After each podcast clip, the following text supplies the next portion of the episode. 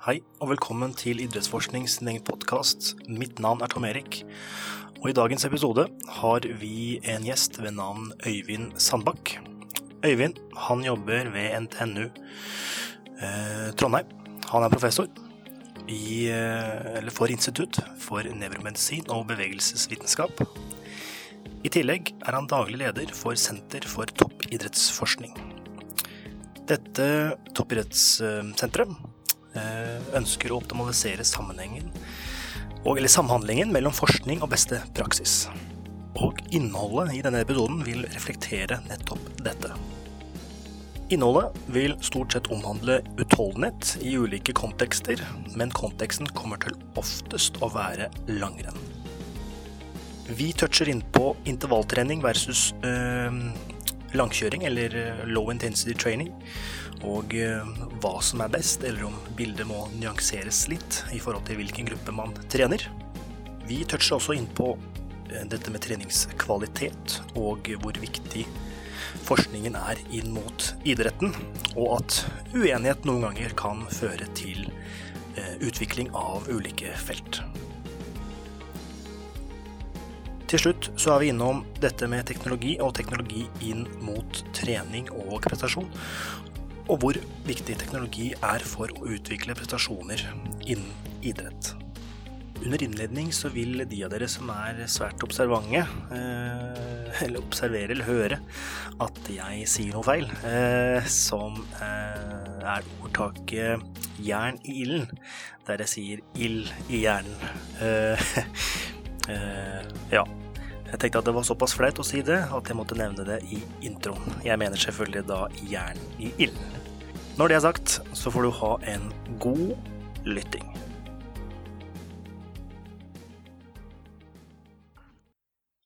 Velkommen, Øyvind Sandbakk, til vår podkast. Takk skal du ha. Hyggelig at du kunne ta deg tida til å være gjest på vår podkast. Det setter vi umåtelig pris på.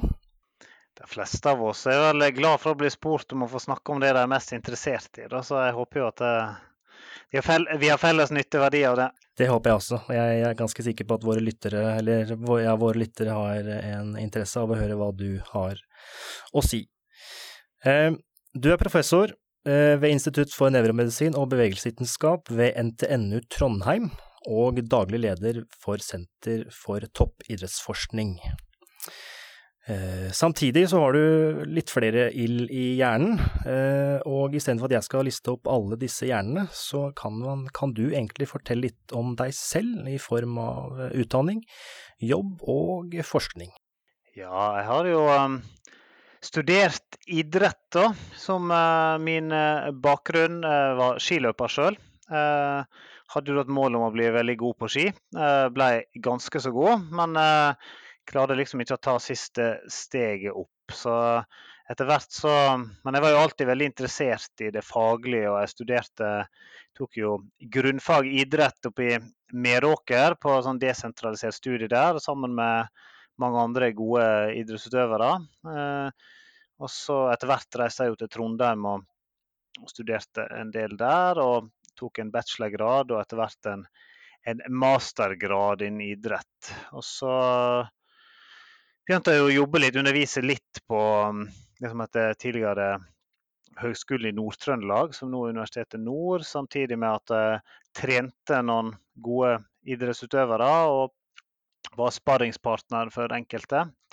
Mm. Blant annet så fikk jeg jobbe ganske tett med Tor Arne Hetland, som på den tida var i, i verdenseliten. Og og hadde en del unge utøvere som Niklas Dyrhaug, som var på vei up and coming. Da. Så jeg fikk jo en god del erfaring med å både trene utøvere og jobbe inn mot, inn mot andre trenere, både på landslag og, og, og sånt. Så, så i, i, den prosessen så jeg, kom jeg jo godt inn i landslagsmiljøet og fikk være med mye sammen med sprintlandslaget. Eh, en del oppdrag der. Eh, kom i kontakt med Olympiatoppen, og etter hvert så spurte mm. jo de meg om ikke jeg hadde lyst til å være med å utvikle kunnskapen videre rundt langrenn, som uh, var viktig her i, i, Trøndelag, da, som jeg bor i, Trondheim. Mm. Og, mm. Mm. og, Da fikk jeg jo tilbud om en sånn uh, litt mindre teststilling i, i Olympiatoppen. Uh, parallelt med at jeg kom i kontakt med NTNU og professor Gertian Ettema, som var Mm. instituttleder på det som heter bevegelsesvitenskap den gangen. Og da ble jo liksom spørsmålet fort om, eh, om eh, jeg var interessert i å ta en doktorgrad, for jeg har jo på en måte bra sånn, akademisk forståelse, tror jeg. Og gode karakterer og likte å skrive og, og var litt analytisk som person. Selv om jeg i utgangspunktet så var jeg jo aldri egentlig hadde ikke noen sånne akademiske ambisjoner. da. Jeg var, Mm. kom fra idretten, var interessert i idrett og var liksom oppriktig interessert i det. Så, så da var jeg vel egentlig enig om at jeg skulle starte på en doktorgrad. Men jeg hadde jo ikke noen full finansiering. Men jeg kjørte jo i gang, og så, og så fikk vi egentlig på plass finansieringa litt etter hvert. Eh, vi hadde også et samarbeid med Hans Christer Holmberg, som var professor i Østersund og hadde et bra miljø der på langrennsforskning. Så jeg Mm. fikk jo han Ettema og, og Hans Christer som forsker, som eh, veiledere på, på doktorgraden. Og så ja, ble vi vel egentlig Det viste jo seg at jeg var ganske flink å skrive, og vi fikk publisert studiene som vi gjorde. og vi, vi klarte å bidra med, bidra med noen ting som både idretten opplevde som nyttig, tror jeg, og, mm, mm. og som var publiserbart og kommet i, i greie journaler. Da. Så, så liksom, det, det ga jo positive opplevelser.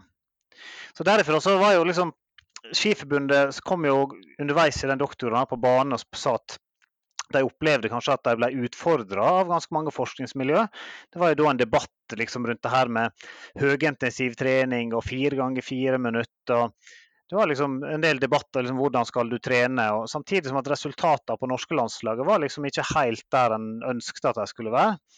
Så de ville jo ta initiativ til to ting. Det ene var det de kalte det norske treningsfilosofiprosjektet. Hva er norsk utholdenhetstrening? Hvordan skal vi trene? Eh, Men de vil også ha en akademisk og en forskningsbasert kompetanse rundt det, som både var fundamentert i det vi vet i dag, men også som var med og satte i gang nye forskningsprosjekter rundt utholdenhet og langrenn. Så, så da ble jeg spurt om å være prosjektleder for det. Så jeg jobba med det prosjektet i to år parallelt med doktorgraden. Eh, Ja, og leverte vel boka 'Den norske langrennsboka' sammen med Espen Tønnesen, samtidig med at jeg leverte doktorgraden i, i 2010. Så, Riktig, um, riktig. Og den gikk jo også på langrenn. Da. Det var jo sprintlangrenn, så det var jo en, si, en arbeidskravsanalyse av biomekaniske og fysiologiske faktorer som påvirker prestasjonen i- sprintlangrenn. Så det var jo relativt nytt og lite undersøkt, så det var jo et område i moderne langrenn som, var, som det var interesse for. da. Men var eh, valget av tema i den doktorgraden basert på ditt samarbeid med Tor Arne, eller var du også sprinter sjøl når du drev aktivt? Ja, jeg var ikke så verst i sprint, da. Jeg, hadde jo vel et par topp ti-plasseringer i NM i sprint, faktisk. Og, Ja.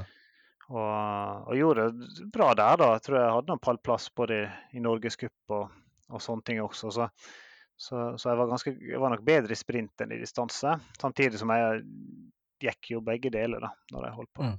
Mm, mm. Så Eh, Ja. Denne doktorgraden din, eh, hvis du skal kort på en måte fortelle litt, eh, for du sa at det var en arbeidskrafts... Eller en eh, arbeidskraftsanalyse nærmest av sprint eh, i langrenn. Hva var det du fant ut? Nei, altså det vi, det vi eh, fant ut der, var jo For det første så gjorde vi analyser av eh, konkurransehastigheter. Eh, altså hvilke hastigheter går du egentlig på i en konkurranse? For det er jo litt annerledes enn mange andre idretter. Du, liksom, du har et stort spekter i hvilke hastigheter du går på. Du bruker ulike delteknikker i de ulike hastighetene med ulik på en måte, valg av frekvens og syklusvei. Eh, og så fordeler du energien din litt forskjellig. Så du, du går gjerne fordi du, har en, du, du kan gå mer effektivt i motbakkene, du har lengre tid å skape kraft på i motbakkene, så øker du også intensiteten i motbakkene. Og både, du går ganske langt over eh, din arob-kapasitet, så du bruker både arob eh, energi og anarob energi i mm. motbakkene, og så restituerer du deg litt nedover. For der har ikke du der handler det om å redusere motkreftene, luftmotstanden og friksjonen, mens du også sparer krefter og restituerer litt muskulaturen til neste motbakke.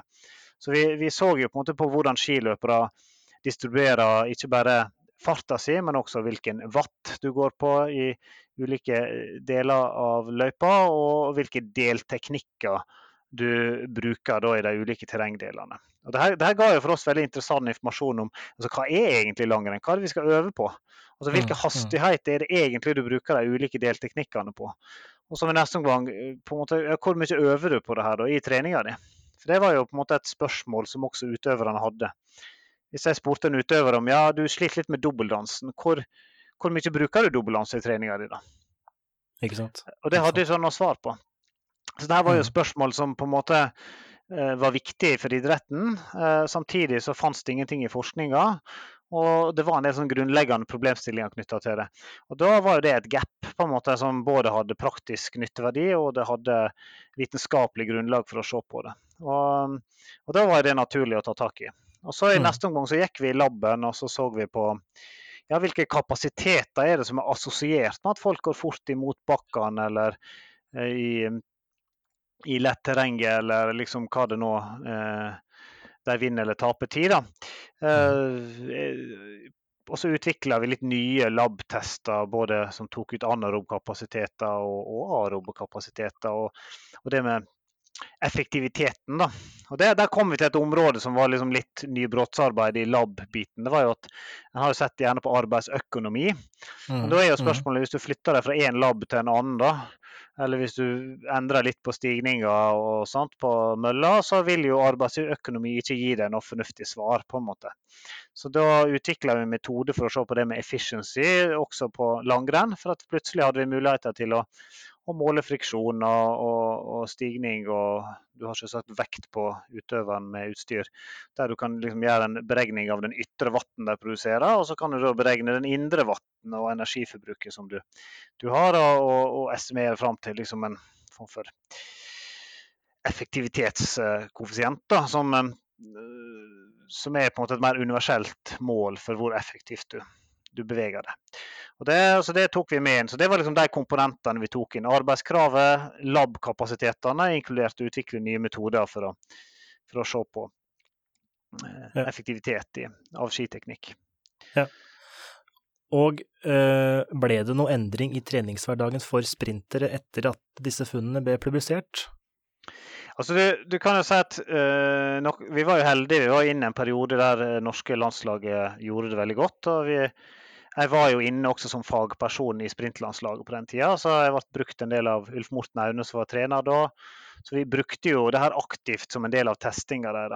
Um, og, og, gjorde en del tilleggsmålinger, pluss at vi analyserte treninger som en del av treningsfilosofiprosjektet.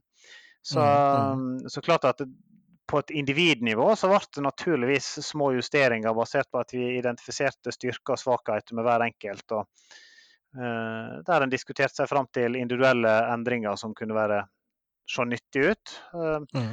Og på lagnivå så uh, ble jo det kontinuerlige diskusjoner, da, avhengig av hvor godt de lyktes. Og hvordan det hang sammen med kapasitetene de hadde. Så, så det ble nok gjort litt sånn mindre justeringer. Men når du jobber med verdens beste utøvere i idretten, så er det liksom ikke de store kvantesprangene du gjør det som, det som, kanskje er mer interessant, er jo at i perioden som kom i etterkant av det, to-tre år etterpå, så var det liksom litt nedtur eh, på sprintfeltet. Og det var en del andre utøvere som kom inn. og det var, det var liksom litt mer ruskete hvor bra det gikk. Eh, det var ikke et konsistent så dominerende nivå på norske laget.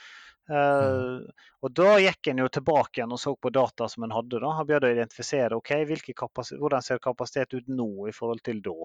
Hvordan er mm. treninga, hva ser ut til å være på en måte nøkkelfaktorene. Og, og der på en måte Det var litt, hvert fall litt artig å se at en del av konklusjonene som vi gjorde uh, da en del år tidligere, ble jo da brukt ganske klart til å på en måte hente opp igjen gamle suksessformler, samtidig som en prøvde å videreutvikle treninga. Og fikk et lite løft igjen utover mot uh, bl.a. OL i, i Sotsji. Ja, ja, ja. Så all denne forskningen er jo viktig at den knyttes til praksisfeltet. Og det er jo på en måte, hvis jeg har forstått eh, Du er daglig leder for Senter for toppidrettsforskning. Eh, der det skal være en slags samhandling mellom forskning og beste praksis, som på en måte er agendaen til det senteret.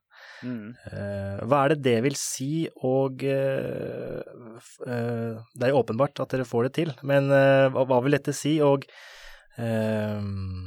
Ja, hvordan, hvordan øh, jobber dere med dette? Altså, du kan si at uh, du, kan du, kan jo, gjerne stille spørsmål liksom uh, Gjør forskning en uh, forskjell? Uh, ja. Og da tror jeg jo på en måte at svaret er, kan være ja, hvis en gjør det på riktig måte. Mm. For det er jo gjerne sånn at en har litt urealistiske for, forventninger til liksom hva et forskningsprosjekt kan bidra med. Og hvis du gjør ett studie, du endrer jo ikke treninga di pga. ett studie. eller to eller tre du Og der tror jeg jo på en måte at noe av nøkkelen er jo på en måte hvis en skal lykkes med det her, er jo at et senter sånn som vi er, velger ut en del tema der vi har lyst til å bli gode over tid. Og, og I et ledd av det å bli gode, så er jo det eh, både å snakke med praksisfeltet, forstå feltet en skal jobbe med eh, som helhet. Både hvordan driver beste praksis, hva er det de ikke driver med, hvordan tenker de, hvilket språk har de, stammespråket, forstå det. Hvordan snakker de om det her? For at de beste utøverne og trenerne gjør liksom per definisjon veldig mye riktig. Mm. Og, så, og så vil en jo i den dialogen så vil jo det på en måte dukke opp spørsmål da, etter hvert. Liksom, som praksisfeltet lurer på, som de er interessert i, som de har nytteverdi av. Og som en iblant kan svare på, uh, med en liksom, kall det en komplementær kompetanse, den litt mer vitenskapelige blikket. Uh, og iblant ikke kan svare på. Og Hvis det spørsmålet kommer opp igjen ofte nok, så er jo det et tegn på at det er relevant. Hvis vi mm. ikke kan svare på det, og det er mulig å forske på det, så er jo det et form for gap i litteraturen. Og Da er jo det for meg et veldig eh, Da er det både relevant, det er et gap i litteraturen, og, og og det er forskbart, så er det liksom et spørsmål en bør ta tak i. Um, og så tenker jeg at rundt, og så skal en jo svare på det spørsmålet, som sikkert er ett av 100 spørsmål en kunne ha tatt tak i. Men så vil en gjerne måtte også vitenskapelig sette seg inn i litteraturen, forstå feltet, forstå hva andre driver med, tenke grundig gjennom alle aspekter rundt et sånt prosjekt. Som gjør at når du da har gjennomført studiet, så er jo, du får en konklusjon på det studiet og det spørsmålet du sjøl har svart på. Men du mm. kan jo feltet. Du har jo på en måte hatt en gruppe som har jobba med det feltet. Hvis du jobber sånn over tid, så vil en jo for det første oppnå en forståelse av på en måte hva er det som på en måte er nøkkelområder idretten trenger hjelp til. Og så vil du samtidig opparbeide deg en erfaring og en kompetanse vitenskapelig rundt det feltet du har spesialisert deg i. Og Da vil jo, vil jo ikke være nødvendigvis bare konklusjonene på dine studier som fører til en god kunnskapsoverføring, men det at du faktisk kan feltet. Ja. Det at du kan bidra, altså, og Da må en jo sørge for at det er arenaer da, der trenere og utøvere møtes, der en snakker sammen, der en spiser lunsj sammen. der en Samtidig som en respekterer at vi, vi har de samme interessene, men vi ser på dem med litt ulike verktøy eller perspektiv. Da. Det vitenskapelige perspektivet, som gjerne er litt snevert, ja. og, det, og det trenerperspektivet, utøverperspektivet, som skal ivareta helheten. Og, og, der tror jeg jo magien kan, kan skje, da. Ja, ja. Men så tror jeg samtidig oppi det her at det er viktig at forskninga er uavhengig. Av, altså det, skal, det, er liksom ikke bestilt forskning fra idretten. Det tror jeg også er feil. fordi at det, Av og til så må du gi de svarene som kanskje en ikke har forventa. Eh, at kanskje ting som idretten har holdt på med i mange år, som en rett og slett finner at ikke virker, eller til og med er negativ og, og, som kan skape følelser. fordi at Folk har jo på en måte solgt inn budskapet de har stått for og de har prøvd i det. Og kanskje til og med lykkes med det, til tross for. Og så, Da må en ha den uavhengigheten som gjør at en da eh, kan, ta, kan gi de ubehagelige svarene, og at iblant kan en også stille de spørsmålene som idretten sjøl ikke lurer på, men som en tror at jo, men her er det et potensial. Idretten ser ikke det sjøl, men her er det et potensial. Uh, mm, mm. Så, så, det er tosidig. Klappskøyter er jo et godt eksempel der forskere som jobba med det, kom på det. Eh, idretten lo av det, ville ikke prøve det. Mens ti år etter den var oppfunnet, så var det noen juniorløpere i Nederland som var kobla til forskningsmiljøet der, som da begynte å teste det ut og slo alle rekorder. Og plutselig så var det et verktøy som revolusjonerte idretten. Så selv om idretten veldig ofte kommer med de gode spørsmåla og har drevet med ting lenge før forskninga viser det, ja. så finnes det også eksempler på det motsatte. Riktig. Riktig. Og Det er den dynamikken der jeg tror idrettsforskninga kan være komplementær. Ja. Med, med, respekt så tåler en litt spenning. Da tåler en liksom at her, her utfordrer en hverandre. Absolutt, absolutt. Og de arenaene er veldig viktige. Men finnes det noen eh, arenaer nå i dag som eh, der forskningen har funnet opp eh, et riktig verktøy eller en riktig metode å gjøre ting på, som ikke eh, brukes av feltet? Du tenker altså Klappskøyter var jo et eksempel da, ja, ja. Eh, som jeg tok opp der. som er, men er det noen som, er, som, har funnet funn på at dette her fungerer, men feltet er skeptisk til at det faktisk skal brukes eh, i, i, i virkeligheten? Er det noen ja, eksempler på det i dag? Ja, sånn er jo mange eksempler på det. Jeg tenker jo at, jeg tenker jo at den debatten som jeg snakka om i langrenn i stad, der det kom inn enkelte forskere som for så vidt forsker mest på pasientgrupper og liksom på utrente eller middels godt trente personer, og, og mente at eh, intervalltrening, eh, høyintensiv intervalltrening og tung styrketrening var det eneste, eneste du skulle drive med hvis du lykkes i mhm. utholdenhetsidrett. Men så viste det seg at alle utholdenhetsutøvere hadde vel 80% av øktene sine på lav intensitet og, 80, nei, og 20% på høy intensitet. Mm. Så, så, tenker jeg at uh, i en del idretter, kanskje spesielt langrenn, så førte det her til en del, sånn, en del usikkerhet. Mm. Og så kan du si at jo, det skapte litt støy, det skapte litt usikkerhet, det skapte en del konflikter og sånn. Men det som skjedde, var jo bl.a. at Norsk langrenn da, valgte jo å sette i gang et prosjekt for å gå inn i det her. For å balansere det her. Jeg ble kanskje enda mer bevisst på at jo, høyintensiv trening er jo kjempeviktig. Det er jo en av nøklene for å lykkes. Både mm. kvaliteten på det, måten en gjør det, måten en periodiserer det på. Og, og en måtte gå inn både med et vitenskapelig blikk og et praktisk blikk. Diskutere det her, prøve å hente opp ja, men hvordan har vi, når har vi lykkes best med det her. Hvordan har vi satt det sammen, hvordan skal øktene være, hvordan skal balansen være med, sammen med lavintensiv trening. Så at Forskere som kom inn og provoserte og møtte veldig mye skepsis hos mange, skapte jo også en dynamikk, skapte en bevegelse, skapte mm. ny forskning som kall det motbeviste litt med andre, eller om ikke motbeviste, så iallfall nyanserte det her ja. i, ganske stor grad.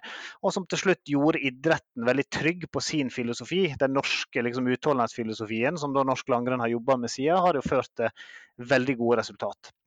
Og, mm, mm. og Det betyr jo ikke at den forskninga ikke var god. Eh, men det betyr at den var nok ikke helt 100% relevant for det som en toppidrettskontekst eh, behøver. Men den skapte, skapte jo samtidig en bevegelse som kanskje på kort sikt skapte litt støy, men på lang sikt skapte en veldig fin bevegelse. Styrketrening, mm. Tung styrketrening for utholdenhetsutøvere er jo en annen bit som møtte mye skepsis, tror jeg. Mange trodde at her får du store muskler, og her går det på utover utholdenheten din og sånn. og for mye av det vil nå naturligvis ikke en utholdenhetsutøver drive med. Man trener ikke styrke hver dag. Mm. Men mm. Men det viste jo seg at her var det triggende komplementære mekanismer gjort på riktig måte, satt inn i systemet på riktig måte, så kunne en på en måte oppnå effekter som en ikke får gjennom utholdenhetstrening, og som en kanskje ikke får gjennom hurtighetsspenstrening. Og som, som, gjorde at dette ble et ekstra verktøy eh, i det puslespillet en utholdenhetsutøver skal, skal, drive med. Så, så, her tenker jeg jo at forskninga har på en måte eh, Selv om en del idrett har innovert på det her sjøl, så har jo også forskninga framprovosert og sett på mekanismer og årsaksforklart de mekanismene som gjør at eksempelvis tung styrketrening har en positiv effekt på utholdenheten, og hvilke ja. mekanismer og i hvilke situasjoner det kan ha en negativ effekt, og vice versa. Så, så, så her tenker jeg jo at um, det har jo vært viktige områder der, der forskninga har har bidratt positivt. Ja, ja. Enig. Enig. Og tror du denne forskningen da, og denne debatten som har vært tidligere, har hatt en overføringsverdi til andre idretter? For det var jo også intervalltrening og snakk om intervalltrening inn mot sykling, inn mot løping, eh, inn mot andre sykliske utholdenhetsidretter. Og eh, For det var ikke kun langrenn det var snakk om her. Eh, tror du det hadde en effekt på også disse idrettene, og er de prestasjonene vi ser i dag, f.eks. Ingebrigtsen-brødrene, et resultat av uh, dette? At vi har fått en mer nyansert bilde på utholdenhetstrening? I hvert fall så ble det jo framprovosert ganske mange debatter rundt utholdenhetstrening. Uh, jeg vet jo at mange av mine kollegaer ble jo veldig interessert i å forske på det, meg sjøl inkludert. Mm, mm. Fordi at en, en, satt på en følelse av at jo, en del av de som på en måte provoserer litt nå, eller liksom, liksom du var sånn at I stedet for å kjøre langkjøring, så kan du like gjerne ligge på sofaen. ikke sant? uh, men det, det, blir litt sånn. Ja. Og, så, og, så, glemmer du liksom at jo, en, for det første så er det sånn at det som vi kaller for low intensity training, det er jo uh, opp til over 80% altså, Så liksom uh, vigorous training, som mange gjør, driver liksom i mer sånn helseforskning, overlapper jo med low intensity training for en utholdenhetsutøver. Så at intensitetssonen er jo annerledes. Så klart at den lavintensive treninga er jo tross alt på en såpass høy hastighet at du du gjør ganske mange watt på en sykkel eller i en skiløype likevel. Ja. Så, så vatten som en langrennsløper eller en syklist utøver på, på lav intensiv trening, er jo tre ganger så høy som det en pasient gjør på en intervalløkt. Mm, mm, sant? Så her, her, er jo Vi snakker jo om vidt forskjellige ting. Um, så, så her, var, her, ble jo på en måte ting framprovosert, og vi satt jo på en følelse at ja, men det her stemmer jo ikke. Det her er jo tull. Det henger jo ikke mm. sammen. Og så mm. snakker du med trenere fra 60-tallet og 70-tallet og 80-tallet og sa at jo, men vi har jo prøvd å øke det høyintensive gang på gang, liksom. Og det skjer jo bare én ting. Du får en liten effekt i starten, og så flater det ut. Og så blir det feil dynamikk og liksom Det, det funka ikke over tid. Uh, og så, så, så vi satt på en følelse av at det ikke det, det, var ikke riktig. Det gjør jo at du blir interessert, du tar tak i det. En begynner mm. å på en måte prøve å årsaksforklare både gjennom retrospektive studier, en del prospektive studier og en del eksperiment som ser på nyanser av det her, som kanskje får med bedre trente utøvere. Og så, og så vil jo på en måte diskusjonene rundt det, kombinert med en del flere studier som kom, gjør at en blir mye mer bevisst på liksom, hva er liksom, hva bør puslespillet bestå av i, i god utholdenhetstrening i ulike idretter. Og det tror jeg nok en, har vært en bevegelse i norsk idrett der vi, vi har en god kultur for utholdenhetstrening generelt. Og som kanskje vi har blitt enda mer bevisst på de siste åra, og som gjør at vi presterer veldig godt i, i mange utholdenhetsidretter, sånn som det, det, det, er nå. For det, Når jeg reiser rundt internasjonalt og snakker om ulike land og nasjoner, så eh, skal jeg ærlig innrømme at jeg blir ofte litt overraska over at vi har fokus på bas, liksom basics uh, av god utholdenhetstrening. Der føler jeg at de fleste trenere nå er veldig veldig dyktige. Ja. Uh, mens det er liksom gjerne fokus på sånn eksterne faktorer, sånn krydderet. Um, ja, i utlandet? Ja, det er mange nasjoner, og at det mangler liksom en sånn grunnleggende djup forståelse for grunnmekanismene bak god utholdenhetstrening. Der tror jeg vi i Norge faktisk er ganske gode. Ok, ok. Så jeg tror det er en av faktorene som gjør at vi er ganske outstanding på utholdenhetsidrett. Men uh, det er jo min, min følelse. Mm. Men er det da uh, er det flere faktorer enn at det kun er en eh, god treningskultur som kan på en måte beskrive hvorfor Norge gjør det godt i enkelte utholdenhetsidretter? Nå tenker jeg på, er det, er det fysiologi, er det gener, er det, er det flere ting som kan uh... Nei, Jeg tror, ikke norsk Norge har bedre gener enn andre nasjoner. Da, sånn sett. Men jeg tror vi har en god grunnleggende treningsfilosofi uh, innen utholdenhet. Så tror jeg vi har en god, god, treningskultur, som du sier. For ting handler jo ikke bare om på en måte innholdet innhold i treningen. Det handler like mye om den optimale treningskvaliteten. så tror jeg vi har to element til som er veldig viktige. At vi har et litt sånn holistisk eh, perspektiv på idretten. Vi skjønner at det handler ikke bare om å trene og hvile, det handler om et menneske. Det handler om på en måte hvordan sover du, hvordan har du det i hverdagen, hvordan funker du som menneske. Det stimulerer jo også mekanismer som er veldig positive for treningsadaptasjonen. Det at du har det bra, det at du trives, det at du kjenner mm. passion. Det at uh, ting i hverdagen, om det er ernæring eller søvn eller sånt, uh, fungerer optimalt. Og og Der er jo trenerne og utøverne i Norge gjerne et team da, som jobber sammen. Ser ting med ulike perspektiv, hjelper hverandre å bli gode. Og, og jobber på en måte en relativt sånn likverdig relasjon mot målet. da, Og, og et veldig sånn helhetlig perspektiv på utøvernes utvikling. Ja, ja. Uh, og Det tror jeg også er med å fasilitere veldig god treningskvalitet da, på, på øktene. Og så tror jeg summen av det her gjør at vi, vi vi har vært ganske flinke i, i mange, mange av utholdenhetsidrettene det siste. Ja, ja. Eller i ganske mange år, da. Mm, mm. Og tror du all denne forskningen på toppidrettsutøvere har en effekt på selve Norges befolkning, i, også i form av mosjonister og den slags? Ja, altså det er jo faktisk sånn at jeg tror en del av våre kollegaer her på NTNU har jo sett litt på hvordan oksygenopptaket er i Norge i forhold til resten av verden. Da. I hvert fall det vi har av målinger og sånt. Så er vi faktisk en ganske sprek befolkning. Vi er, vi er relativt overvektige uh, i Norge. Vi er ikke så mm. veldig sånn Ikke av de slankeste, for å si det sånn, men vi, vi er relativt sprek som befolkning. Så ja. Så jeg tror nok det å være ute i naturen og det å være aktiv og det å trene er noe vi har et forhold til, mm. uh, som er veldig bra. Så har ikke jeg kjennskap til så mange nasjoner. Eller, ja, min kone kommer fra Sveits, så det kjenner jeg veldig godt. Men ja. liksom, hvordan verden på en måte er innen på en måte, aktivitetsfelt, det er jo litt vanskelig for meg å, å vurdere. Det er ikke mitt fagfelt. Men jeg tror i hvert fall i Norge så er vi, vi er jo et naturfolk, og vi er jo et utholdenhetsfolk. Og vi er jo vi bor nært naturen. Vi har bymark i Trondheim, vi har bymark i Oslo, vi har naturen nær i Bergen, altså de store byene. Og vi, vi, er, vi er, opptatt av idrett eh, som et kulturfenomen. Idrett er jo en del av Kulturdepartementet i Norge, ikke sant. Og det, eh, jeg tror nok det ligger en del i det, da. Som, ja. ja. Fordi eh, det, um Mesteparten av treningen som du nevner er jo i uh, lavintensitet hos uh, toppidrettsutøvere, men det er fortsatt en popularitet hos mosjonister at intervalltrening er effektivt. og er dette en positiv trend, eller burde den vanlige befolkning, altså mosjonisten, ta til bruk mer lavintensiv trening?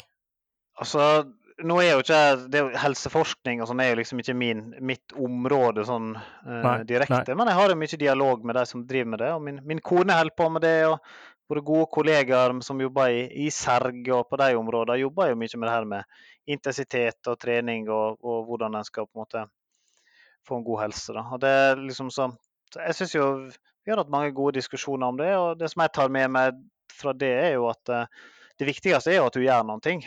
Og klart mhm. statens anbefalinger for fysisk aktivitet er jo på en måte blir jo stadig oftere dokumentert å faktisk være riktig.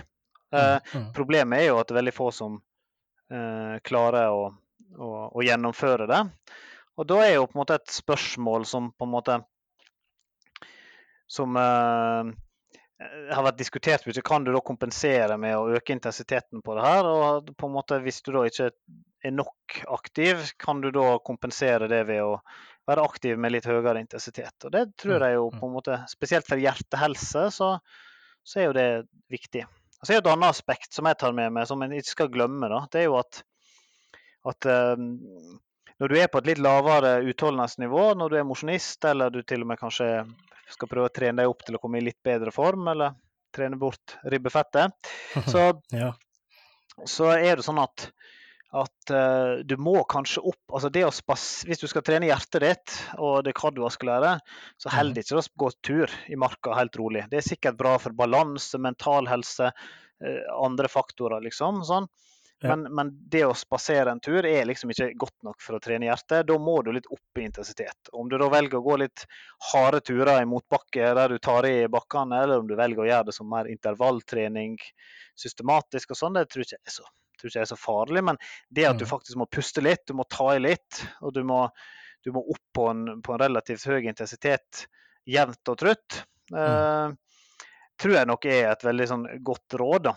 For um, du må jo tross alt belaste et system, og gjerne overbelaste litt, for å få en, liksom, en god tilpassing i, i etterkant. Så, ja. men, så, men, så, tror jeg jo som sagt at det å være aktiv i tillegg, det å gå tur i tillegg, det å være ute på lavintensivturer, og hvis du begynner å trene liksom mer enn enn to-tre ganger i uka, så tror jeg jo helt klart at um, det er jo forskninga også ganske tydelig på at øker du liksom mer enn to-tre hardøkter i uka, så, så er det nok eh, ikke så nødvendigvis positivt. Da kan det være bedre å legge inn rolige turer. Da blir liksom det en komplementær stimulus. Da har du den lavintensive og den høyintensive, og så liksom, vil det være veldig sånn komplementært til, til hverandre.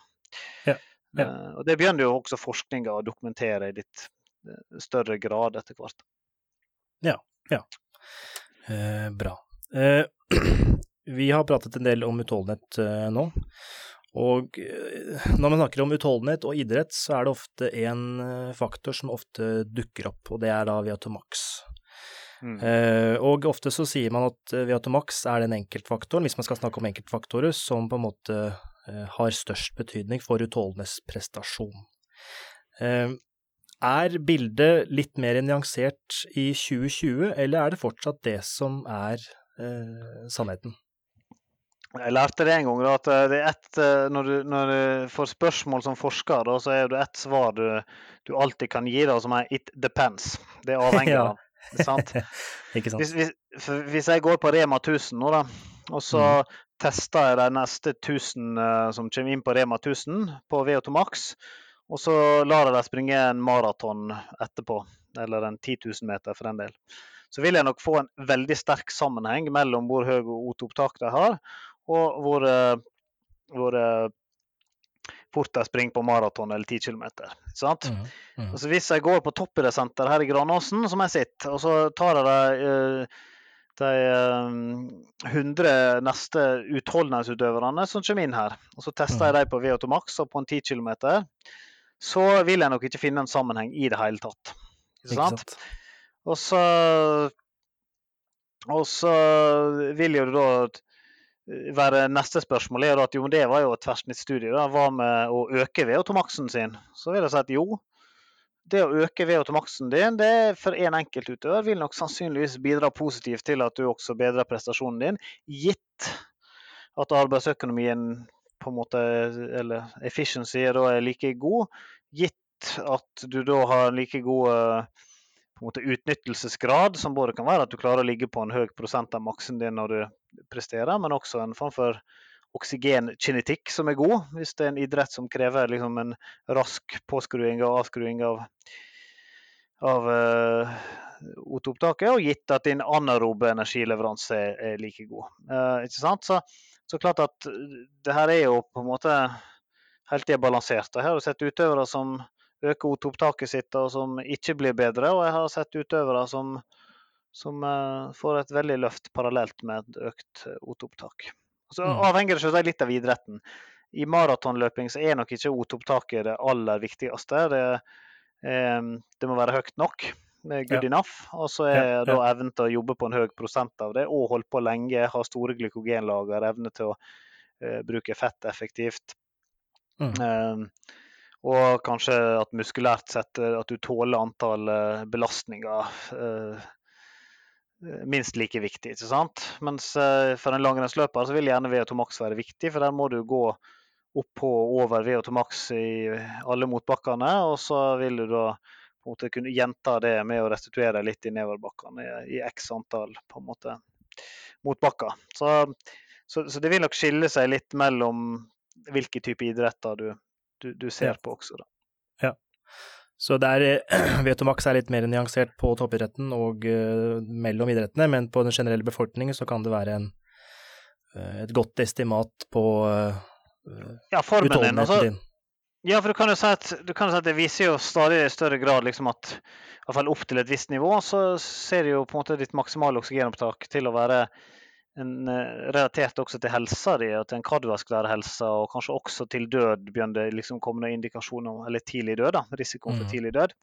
Og, og da tenker jeg at det er jo logisk, fordi at eh, hvis du har en bottleneck eh, i det kardiovaskulære systemet, så vil Mhm. det føre til et lavere O2-opptak.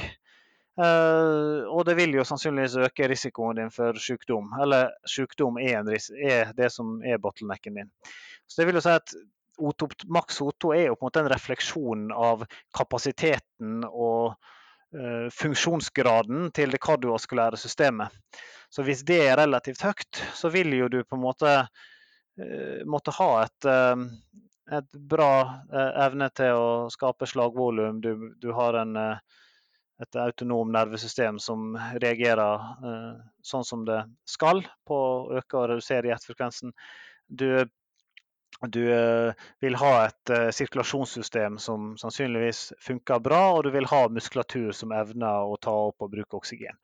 Så, så, så, det reflekterer jo, Otopptaket reflekterer jo liksom din makskapasitet til ja de egenskapene. Så fort det er bugs på en, en, eller flere av faktorene, så vil det gå ned. Ja. Og da vil jo det også være assosiert med at du, eh, risikoen for at det her slår ut i sykdom eller i kritiske situasjoner øker, da. Ja, ja, ja. Og det er jo, i hvert fall tidligere, jeg husker ikke tiden nå, men eh, på, i Tour de Ski, når de skal opp eh, monsterbakken, så er det jo ofte at Therese Johaug har en ganske god tid eh, når man sammenligner de dårligste, anførselstegn, her, eh, mannlige løperne, stemmer ikke det? Jo, det er jo, altså det, er, det er jo sånn langrenn er jo en spesiell idrett. Det er jo interessant når ja. du hører sånn vektdebatter at er du lettest, så er du best, liksom. Det er jo ikke sånn i langrenn. Nei. Det er jo sånn at uh, Hvis du skal oppover, så er det vel slik? Eller i hvert fall litt slik?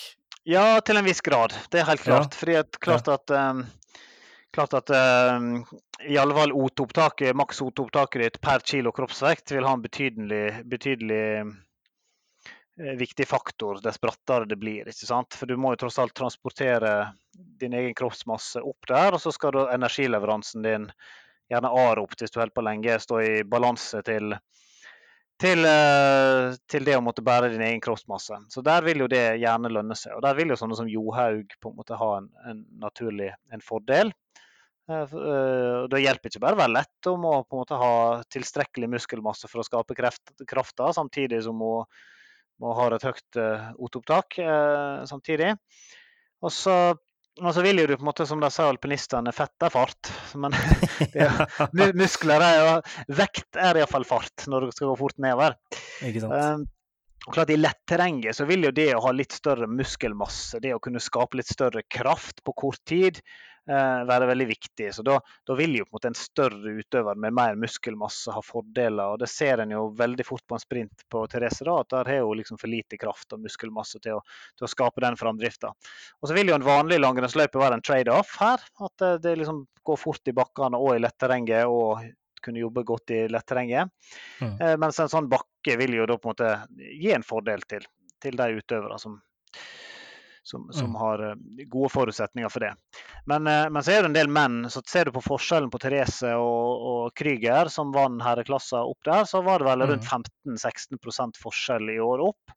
Og det er jo faktisk hakket større enn det som er forskjell i verdensrekorder på 5000 og 10 000 løping og alt det her. Så, det er ikke noe sånn det er unat, det er ikke noe unaturlig, det som Therese gjør opp bakken. Det, det liksom står i forhold til de beste mennene.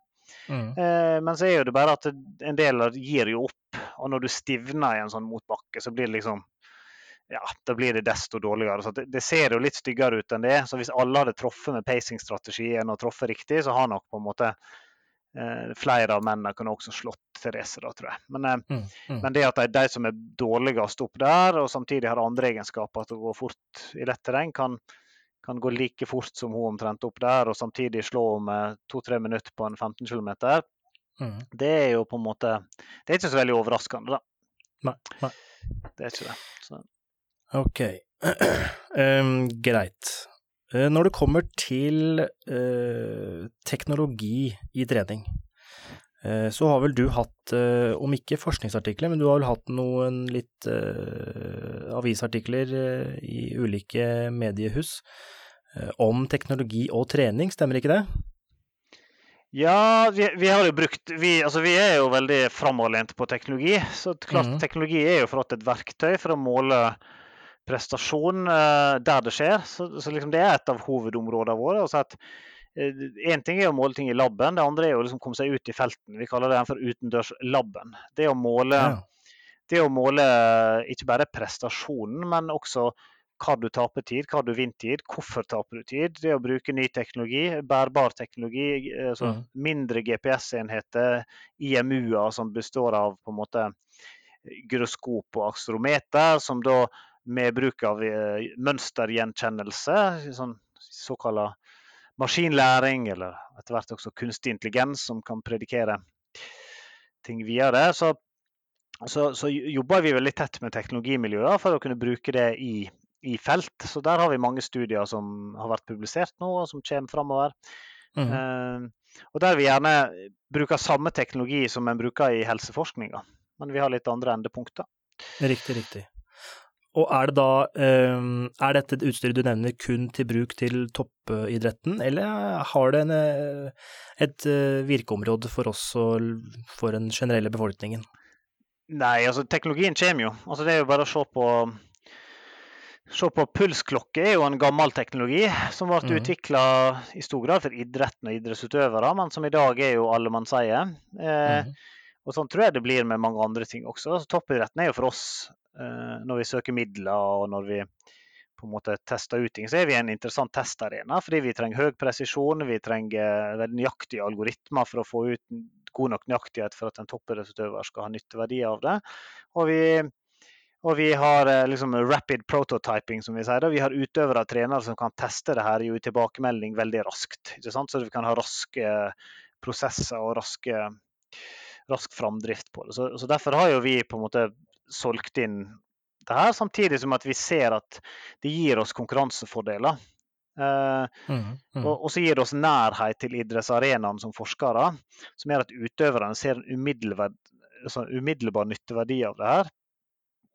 Og som gjør at samspillet med trenere og utøvere uh, blir, blir, veldig godt. Da, men, men, jeg, men, jeg, er jo helt klar på at, at uh, det her er nytteverdi også for andre målgrupper. Du kan jo se nå på det er vel her på NTNU med Pai-algoritmen som, eh, ja, stemmer, som er utvikla her. Og det er jo egentlig ikke noe annet enn Det er bygd på HUNT-data, men sånn veldig forenkla sagt. Så hvis du oppnår nok Pai, så har du vel gjennomført nok aktivitet i henhold til anbefalingene til, til for fysisk aktivitet, eh, strengt tatt. Den, den, er ganske nær det. og så og så om du da har valgt å gjøre det her litt mindre trening på litt mer høy intensitet, eller om du har valgt å gjøre det med, med litt lavere intensitet over litt lengre tid, det liksom, kan folk velge sjøl, avhengig av hva du blir mest motivert av.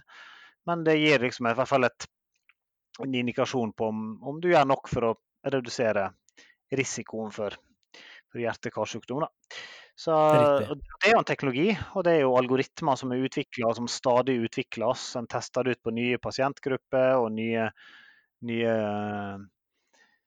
nye populasjoner. Og så mm, mm. utvikler de på en måte det her som et produkt som er liksom en beslutningsstøtte til, til, folk. Og sånn tror jeg det er på Det kan være eldre som har på en måte uh, har hvis en kan ha algoritmer som detekterer når balansen begynner å bli såpass dårlig at du bør begynne å trene spesifikke øvelser for at risikoen for å falle på isen eller i, ja. Eh, i stor.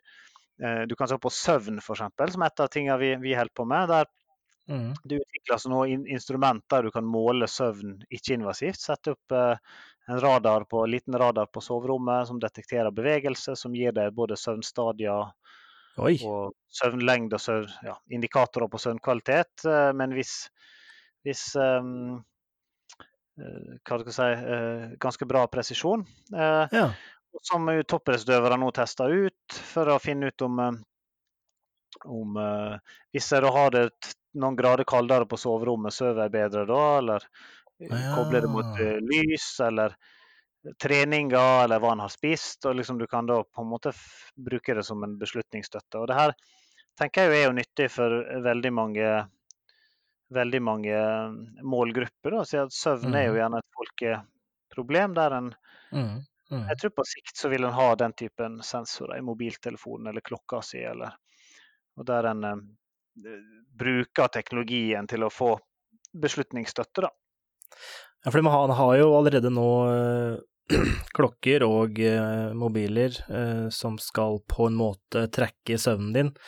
Jeg er litt usikker på hva det er basert på, men det er sikkert basert på akselerometer eller gyroskop. Eh, og som skal detektere bevegelser. Men en radar, sier du? Dette var nytt for meg, dette hørtes veldig spennende ut. Kan du si noe om resultater, eller si noen detaljer rundt det, hvis du, hvis du har? Ja, vi har jo en doktorgradsstudent som jobber med det. og Det er jo sammen med et firma som heter Vital Things, som er lokalisert ah. her i Trondheim. og som som egentlig har brukt idretten som en av arenaene for å teste ut det her. Da. De har gjort det på Ja. noen pasientgrupper, tror jeg, og så har de brukt mye tid på å validere det her. Og så har vi mm. testa det her ut på idrettsutøvere. Og, og, og klart at det, det her er jo ikke sånn kjempeenkelt. da. Det er jo ikke sånn at det er et én-til-én-forhold med hvordan du trener og hvordan du sover. på en måte. Det er jo noe Mm. hver. Så her er jo liksom målet med det vi jobber med, er jo da at vi ser noen sånn grunnleggende ting. F.eks. ser vi nå at på et studie at indikasjoner på at kvinner har jo endra søvnkvalitetsmønster gjennom menstruasjonssyklusen sin. ikke sant? Så det kan jo kanskje Ah. forklare litt hvorfor det, hvorfor de um, kanskje tåler å trene litt mer i noen faser i forhold til andre. En Mhm. ser at en ser at eh, en del sånn psykologisk stress eh, er negativt. For stort psykologisk stress er negativt for søvnen. Mm. Mm. Eh, og, så, skal en da eh, gå videre med flere eksperiment for å se liksom hvordan, hvilke faktorer er det som er mediatorer for det her. da. Så, Riktig. Men dere får eh, også målt ulike søvn, søvnstadier, som, eh, som eh, rem-søvn og sånne ting, eller blir det bare et estimat, på en måte? Det er jo alltid et, det er jo et indirekte mål. Sånn, Ja, det en måler med en radar, er jo bevegelse. Og så har en Mhm. jo gjort valideringer mot sånn PSG, som er liksom mer en gullstandard. Mm. Uh, og, og der en på en måte ser at en har såpass god presisjon også på søvnstadiet etter hvert, da, at den, den kan begynne, å- begynne å, bruke det. Og så tror jeg at eh, det her, kanskje noe av det viktigste som på sikt vil skje her, er jo at at uh, det her ikke bare det, det er ikke generelle algoritmer som gjelder for alle, på en måte, men at en ved å tracke seg sjøl over tid, så vil Mhm. du på en måte finne dine egne mønster. Og så kan du få dine egne den, liksom Mhm. En pers personifisert uh, uh, beslutningsstøtte. Eh, mm, der algoritmene har lært deg å kjenne. Når sover du bra, når sover du mindre bra, når er du opplagt, når er du sliten, uh, osv. Ja.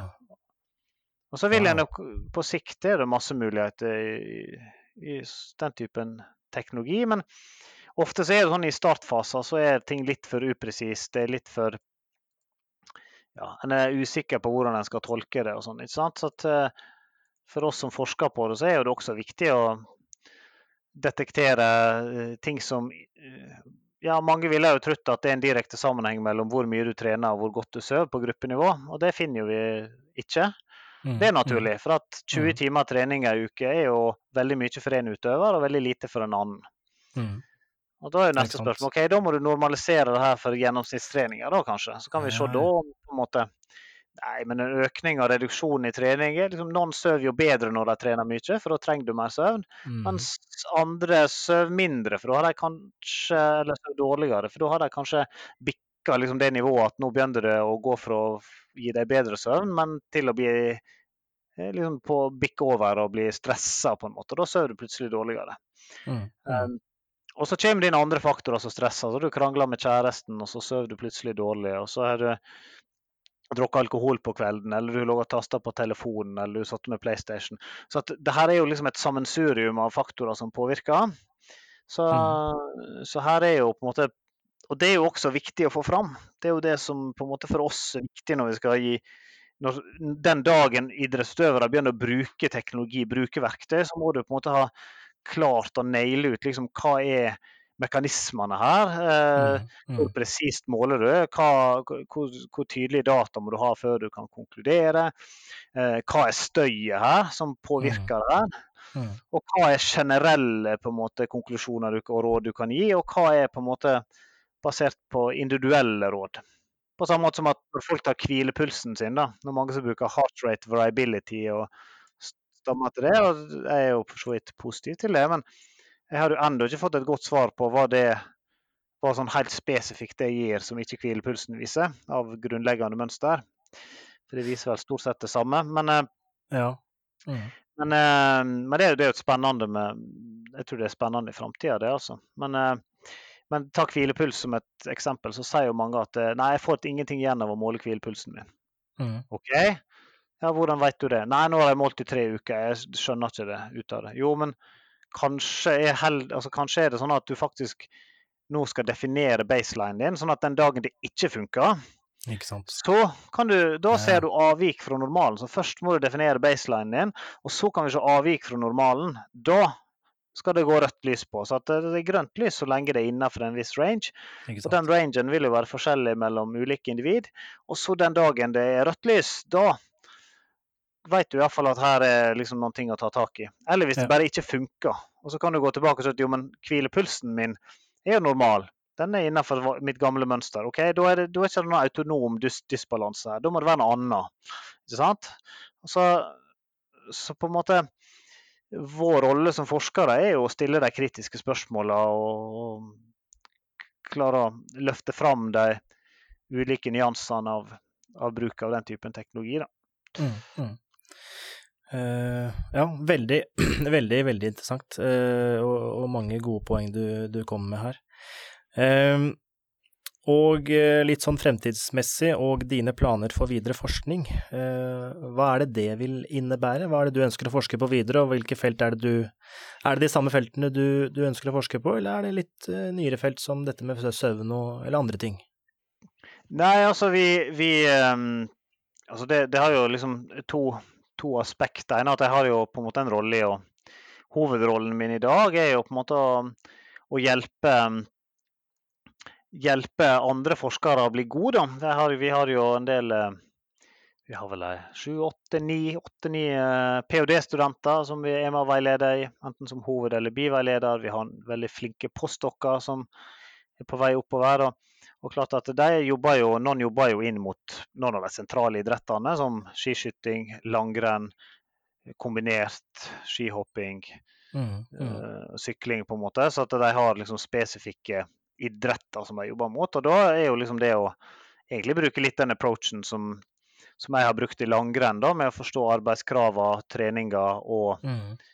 og um, utvikle gode testmetoder for det her, som på en måte i, i de idrettene, som på sikt også kan både brukes til å skape gode diskusjoner om idretten, men også utvikle enda mer bedre systemer for å kvalitetssikre utviklinga til utøverne. Det, det, er liksom helt klart noe som jeg tar med meg inn i rollen i, som veileder i, på, på de som jobber med enkeltidretter.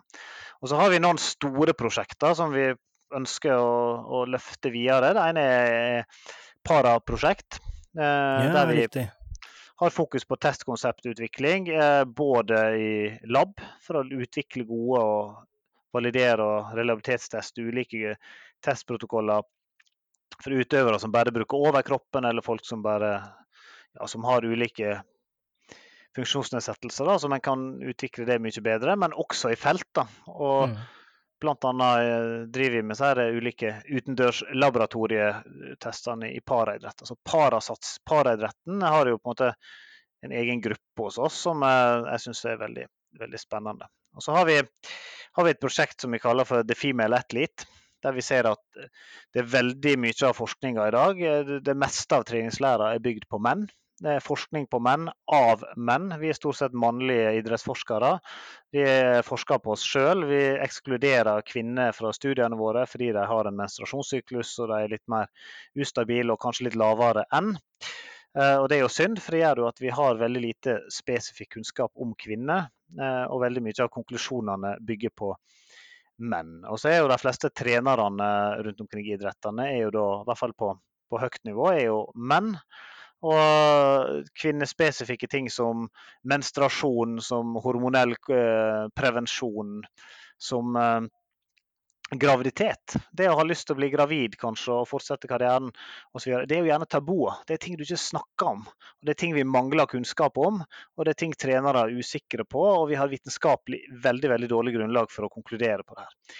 Så her har vi nå på en måte store samarbeidsprosjekt, bl.a. med Universitetet i Tromsø og i samarbeid med Elementa NU og Olympiatoppen, der vi på en måte skal gå inn og se bl.a. på menstruasjonssyklus, på effekten av det på både både på hvordan du produserer treninga og på, på, hvordan en faktisk presterer på ulike kapasiteter i ulike faser. Og bruk av hormonell prevensjon. Um, og forhåpentligvis flere kvinnerelaterte problemstillinger. Da. Så der har vi bygd opp et stort konsortium av samarbeidspartnere og prosjekter som, som skal jobbe sammen for å utvikle det de neste ti åra. Mm. Veldig Og så spennende. og så det siste store prosjektet er jo det her med teknologi. Her eh, Ja.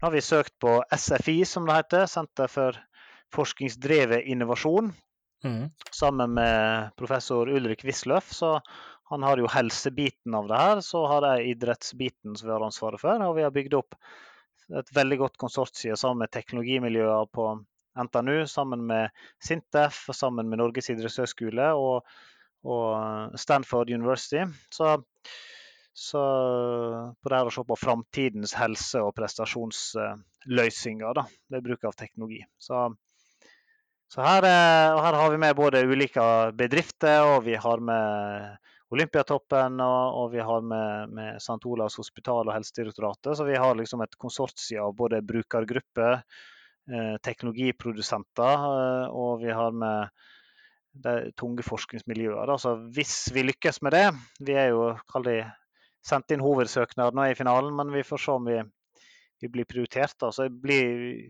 blir jo det et veldig stort satsingsområde. Men får vi det ikke, så er det uansett et område vi kommer til å prioritere høyt i, i mange år. Da. Riktig, riktig, riktig. Det høres eh, veldig interessant ut, eh, og det høres nesten ut som eh, vi må ha en ny episode med deg, nesten, når eh, dette her eh, eh, blir forsket mer på, og, og det høres veldig spennende ut, alle disse tre prosjektene. Eh, veldig, veldig. Eh, greit. Da tenker jeg vi er ved veis ende. Eh, føler du at du har fått sagt det du ønsket å si, Øyvind? Jeg er jo fornøyd. eh, Det er du som, eh, du som er journalist, vet du. Så jeg svarer på de spørsmålene jeg får fra journalistene, og litt til. Ja, det, ja, det er helt supert. Helt supert. Det er alltid hyggelig vet du, når han blir spurt om hva han holder på med, og ting han er interessert i, og ideer han har. Da. Så det er jo spennende å få dele. Da blir han jo også mer bevisst sjøl på hva han holder på med.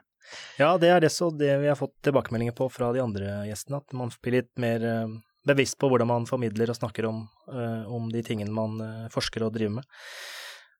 Men jeg vil takke deg for at du har giddet å bruke tid på oss. Eh, Jeg tror nok lytterne har fått veldig mye info, og, det har også jeg. Og dersom våre lyttere ønsker å følge disse prosjektene videre, hvordan kan de følge med rent sånn sosial mediemessig? Er du noe sted? Du finner jo meg på Twitter, da. Jeg tror Hvis du søker på navnet mitt, Øyvind Sandbakk på Twitter, så finner du meg der. Eller du finner meg på Facebook, og så har du Og på Instagram, for så vidt. Um, Ja. Og så har jo vi eh, også en heimeside til NTNU slash eh, Mm. Senter for toppidrettsforskning, og en Facebook-side som eh, også heter Toppidrettsforskning. Ja. Så um, og så vi, Spesielt på den toppidrettsforskningssida på Facebook så legger vi jo jevnt og trutt ut studier vi holder på med, og ja, søknader som vi har fått tilslag på, og, Mm, mm. og event som, der vi formidler kunnskap. da. Så der får Ja. en jo i hvert fall informasjon om, eh, om det vi holder på med. Ja. Og for de, de som er veldig interesserte, så er det også ResearchGate, eh, som også er en eh, fin side å finne, finne din forskning på, og finne din fremtidige forskning. Eh, bra. Absolutt. Og så må jeg få lov å si, altså hvis det er folk som har eh, gode forslag til nye studier, eller som er interessert i å samarbeide med oss, eller sånt, eh, så er jo en hjertelig velkommen å ta kontakt. Vi er, alltid nysgjerrige på andre sine innspill og erfaringer. Og så, og så ønsker vi også å dele kunnskap med andre som har, har spørsmål. Da. For det er jo, tenker jeg, en viktig del av av læringsprosessen for alle. At vi, vi deler og utfordrer hverandre og, både gir konstruktive forslag til nye studier, stiller kritiske spørsmål om det en holder på med. Ja. Det, blir vi, det blir vi alle bedre av. da, så Det håper jeg jo at folk, folk som lytter til her, må er hjertelig velkommen til å ta kontakt. Veldig bra, veldig bra. Delingskultur er absolutt uh, viktig. Det er det som, eh, i hvert fall en av de tingene som gjør oss eh, bedre. Det, det, det tror jeg på. Ok, eh, da sier vi takk, og eh, det var det for denne gang. Eh, takk for at du hørte på, og vi snakkes om litt.